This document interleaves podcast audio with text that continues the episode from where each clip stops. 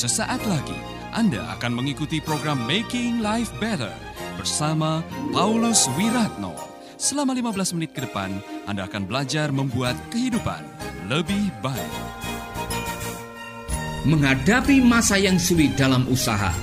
Bersama saya Paulus Wiratno masih dalam acara Making Life Better dan di studio khususnya pada waktu itu studio darurat yaitu di kamar hotel di Oasis Amir Senen Jakarta Pusat. Masih bersama dengan Bapak Pendeta David Radcliffe dari Melbourne Australia. Pak David apa yang Bapak lakukan pada waktu usaha Bapak mengalami masalah? Karena dalam usaha itu kadang-kadang ada pasang surutnya ada naik turunnya, kadang-kadang ada saat-saat begitu banyak keuntungan, tapi ada saat-saat juga menghadapi kesulitan. What is your perspective or your action or your behavior, whatever? What will you do when your business going bad? Thanks, Pastor Paulos.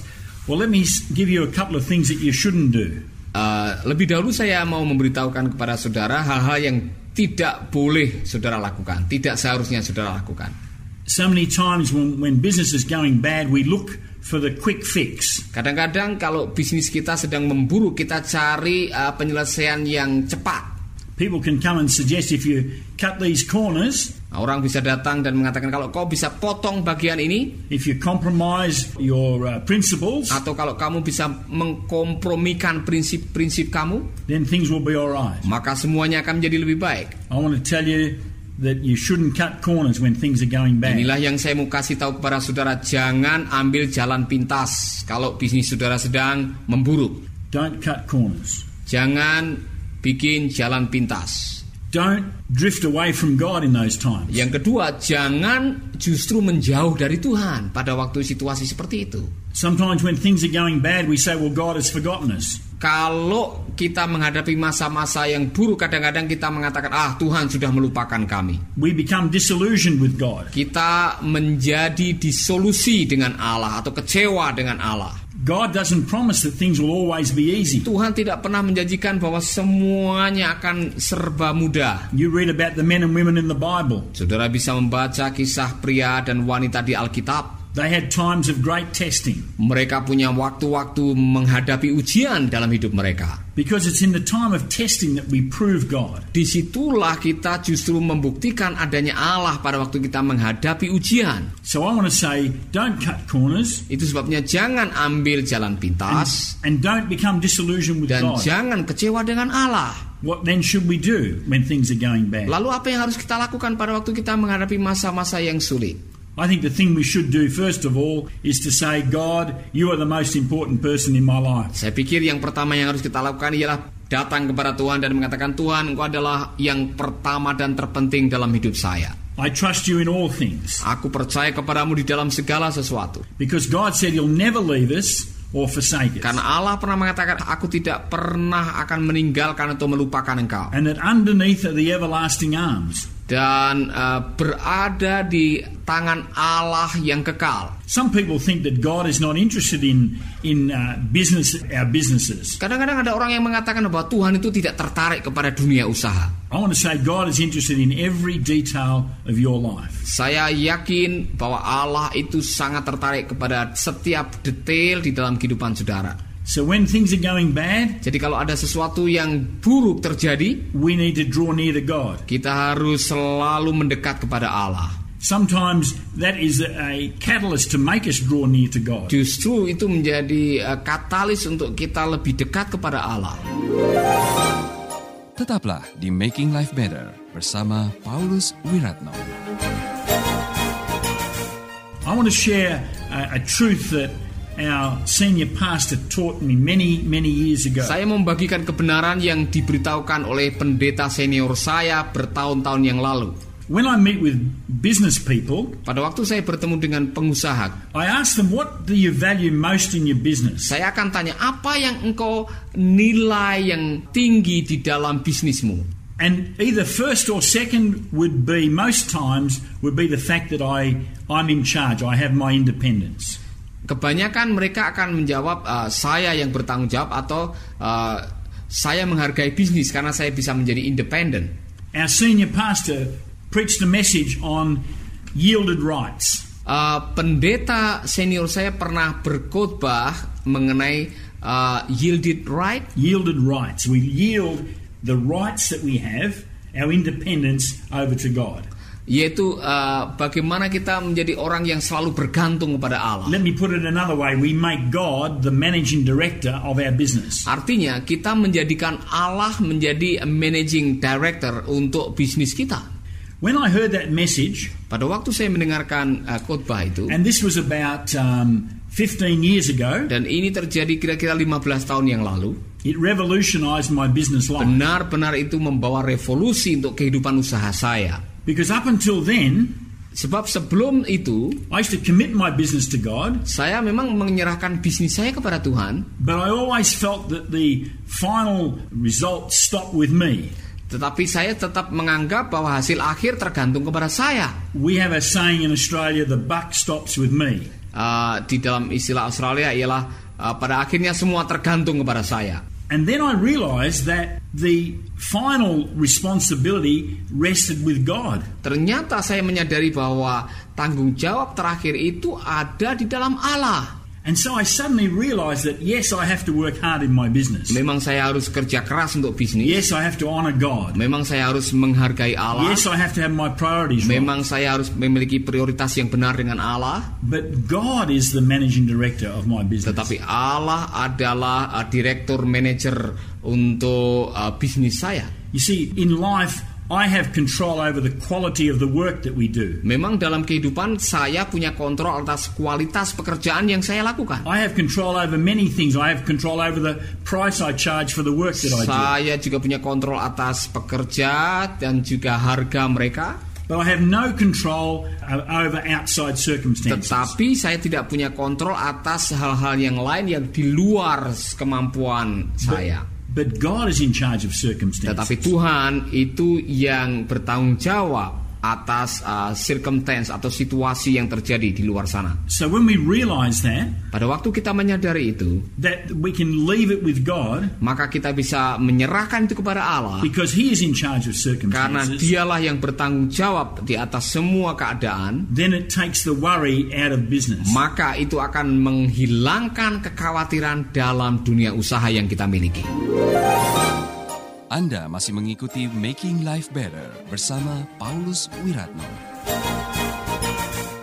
Thank you very much. It is very important how you still trust God in the middle of a bad situation in your business. Do you want to add something? I have a story, but it probably takes too long, Pastor Paulus. Maybe if Okay. they come to the seminar, we can talk some more about that. Okay, then I will tell my listeners, please come to the seminar Yes. because then you will have a lot of story about uh, being successful in the business and how to deal with bad situation in the business. You know, Pastor David, sometimes people make a shortcut because of the situation, you know, or people left God because they had a bad business. In Indonesia, sometimes they use cult to solve the business because of the competition. They use witchcraft or whatever. Uh, what do you say about that? I would say that God must be in charge. He is the only one. Saya pikir uh, bagi saya ialah Tuhan atau selalu harus nomor satu. God tested my, my life early on, as I shared with you about the, the little nest egg that we had. Sebagaimana tadi mengatakan uh, Tuhan sudah menguji kehidupan saya dengan uh, kesalahan yang pernah saya buat. God is a jealous God. Tuhan itu adalah pencemburu. He didn't want my trust in material things. Tuhan tidak mau saya menjadi orang yang percaya kepada materi. He does not want your trust in witchcraft. Demikian juga dia tidak mau engkau percaya kepada perdukunan. He doesn't want your trust in, in other things. Bahkan Allah tidak mau engkau percaya kepada hal yang lain.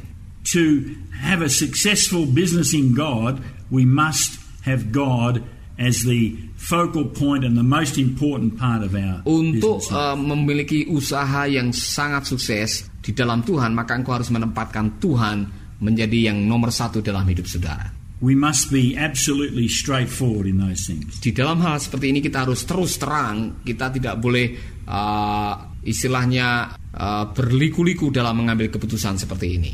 Very important. Thank you very much for your sharing, and we believe that this is very important for our listeners. And again, we want to invite our listeners to come for this business uh, seminar, Kingdom Business Seminar. Oke, terima kasih Pak David untuk apa yang Bapak sudah katakan dan saya mengundang sahabat pendengar di mana pun juga berada kalau Anda ingin terus lebih mengenal lebih jauh bagaimana menjalankan bisnis bersama dengan Tuhan, perspektif Kristen seperti apa, ikutlah seminar bersama Bapak David Radcliffe pada tanggal 11 Agustus. Thank you very much. Thank you for coming to our studio. God bless you. Ketika ku hadapi kehidupan ini Jalan mana yang harus ku pilih Ku tahu ku tak mampu Ku tahu ku tak sanggup Hanya kau Tuhan tempat jawabanku. Aku pun tahu ku tak pernah sendiri. Sebab engkau Allah yang menggendongku. Tanganmu membelaiku Cintamu memuaskanku. Kau mengangkatku ke tempat yang tinggi Janjimu seperti fajar pagi hari. Dan tiada pernah terlambat bersinar. Cintamu seperti sungai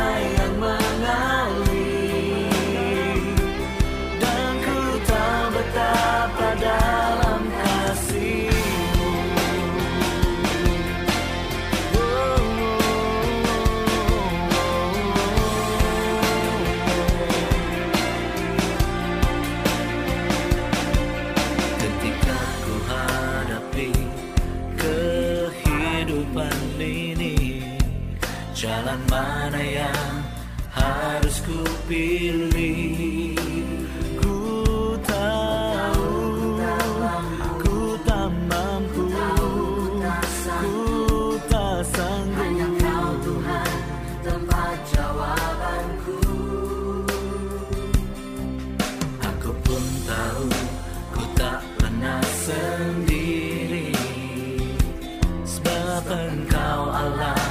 yang menggendongku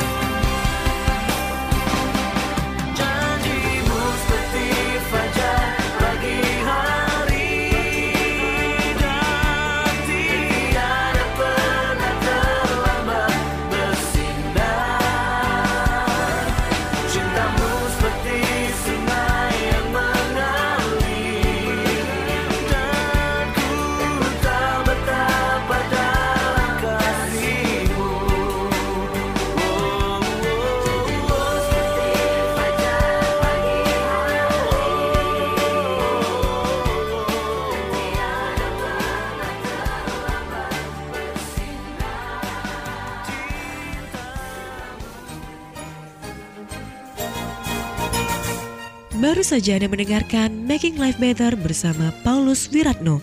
Jika Anda diberkati, kirimkan kesaksian Anda ke Radio Dian Mandiri Jalan Intan LC2 Gang 4 Nomor 1 Denpasar, Bali. Kunjungi website kami di www.pauluswiratno.org Facebook Paulus Wiratno Hubungi kami di 081 338 665500 Sekali lagi 081 338 665500 Terima kasih, Tuhan memberkati. Sahabat, Anda baru saja mengikuti program Making Life Better bersama Paulus Wiratno. Terima kasih atas kebersamaan Anda. Tuhan memberkati.